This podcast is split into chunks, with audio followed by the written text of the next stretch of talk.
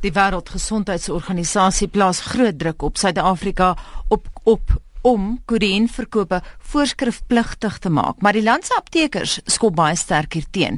Vir hoekom hulle so ten gunste bly van oor die toonbank verkope van middels wat kodeïn bevat, praat ons nou met die president van die Aptekersvereniging van Suid-Afrika, Dr. Johan Kreer. Goeiemôre Johan. Goeiemôre Anita.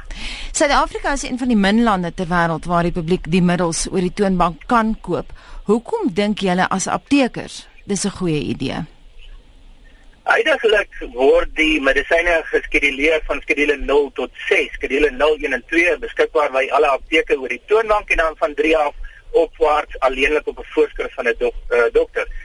Uh die medisyne weer raad se voorstel om dan nou kodeïn bevattende middels op te skeduleer van skedule 2 oor die toonbank na uh voorskrifpligtige medikasie is volgens ons mening nie regtig waar effektief nie. Ehm um, heidaglik uh, as 'n pasiënt 'n voorskrif kry by 'n dokter, keer niks om hom na 'n ander dokter toe te gaan of na 'n ander apteek om die middels te kry nie. So opskedulering is nie noodwendig die antwoord nie.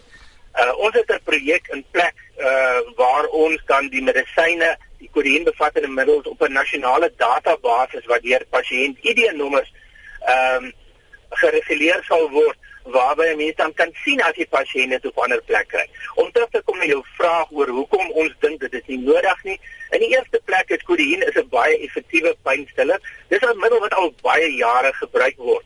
Die misbruikpotensiaal is relatief laag in Suid-Afrika. Ehm um, bloot deur opskedulering dink ons nie die doel wat gaan bereik word om uh die middel dan nou sogenaamd veiliger te maak nie.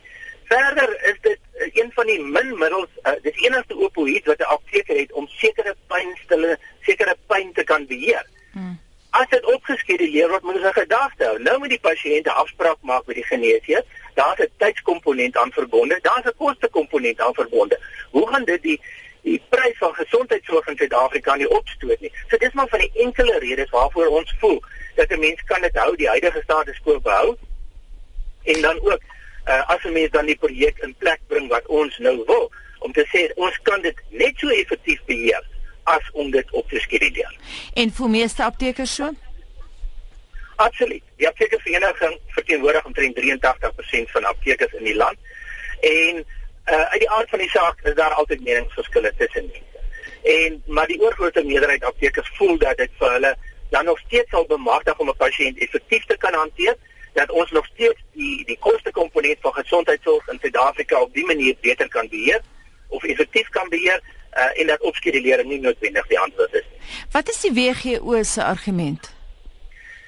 Afhanklikheidsvorming in die wêreld is 'n groot probleem van middels. Opioïd tipe middels soos wat kodeïn nou daar is. Maar ons moet onthou Suid-Afrika is uniek en die die afhanklikheid in Suid-Afrika het 'n ander patroon as wat dit in die eerste wêreld en die res van die wêreld is daar. En kodeïn is nie noodwendig 'n eerste middel wat mense gebruik by afhanklikheid nie. Ehm um, so daar is druk dan nou om Suid-Afrika soos die res van die wêreld te wil hanteer.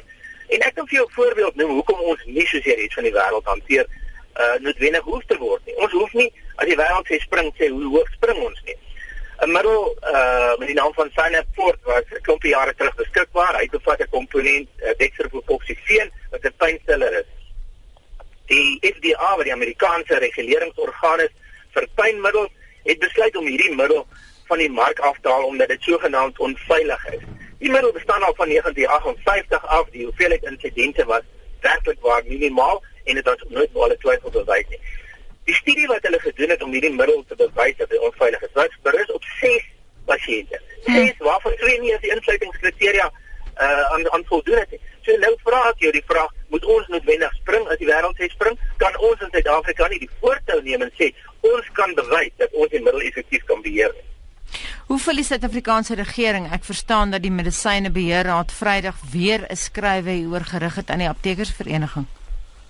Ja, die, die Medisyne Beheerraad het kommentaar gevra oor hoe ons dan nou uh sien dat uh kodeïn dan nou uh hanteer kan word.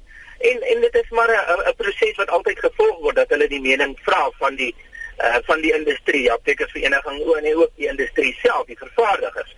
En uh en die, ons gaan juis hierdie projek aan hulle voorlê. Tevens dit is al in hulle voorgelê om te sê hoe ons dink hierdie middel kan nog steeds effektief wees. En die belangrike ding is dat ons bewys dat die industrie ehm um, homself kan reguleer. Dat nie alles deur wetgewing gedoen hoef te word nie. Met ander woorde weer een, opskedulering is nie noodwendig die antwoord nie. En ek kan dit staaf deur 'n voorbeeld te noem in ons land. Ons het 'n middel gehad, Norfurifedrin, wat 'n baie effektiewe aptydonderdrukker was. Dis een van die komponente hoe mense obesiteit hanteer. 'n Klompie jare terug, ook op grond van druk van die Wêreldgesondheidsorganisasie, het ons medisyne beheerraad besluit om hierdie middel op te skuif van skedule 2 na skedule 6. Want een van die redes was dat die middel word gebruik om tik te maak.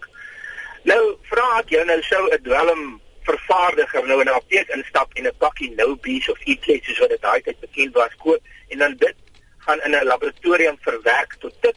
Nee, hulle gaan steel die drom by die hawe of by die industrie of waar ook al.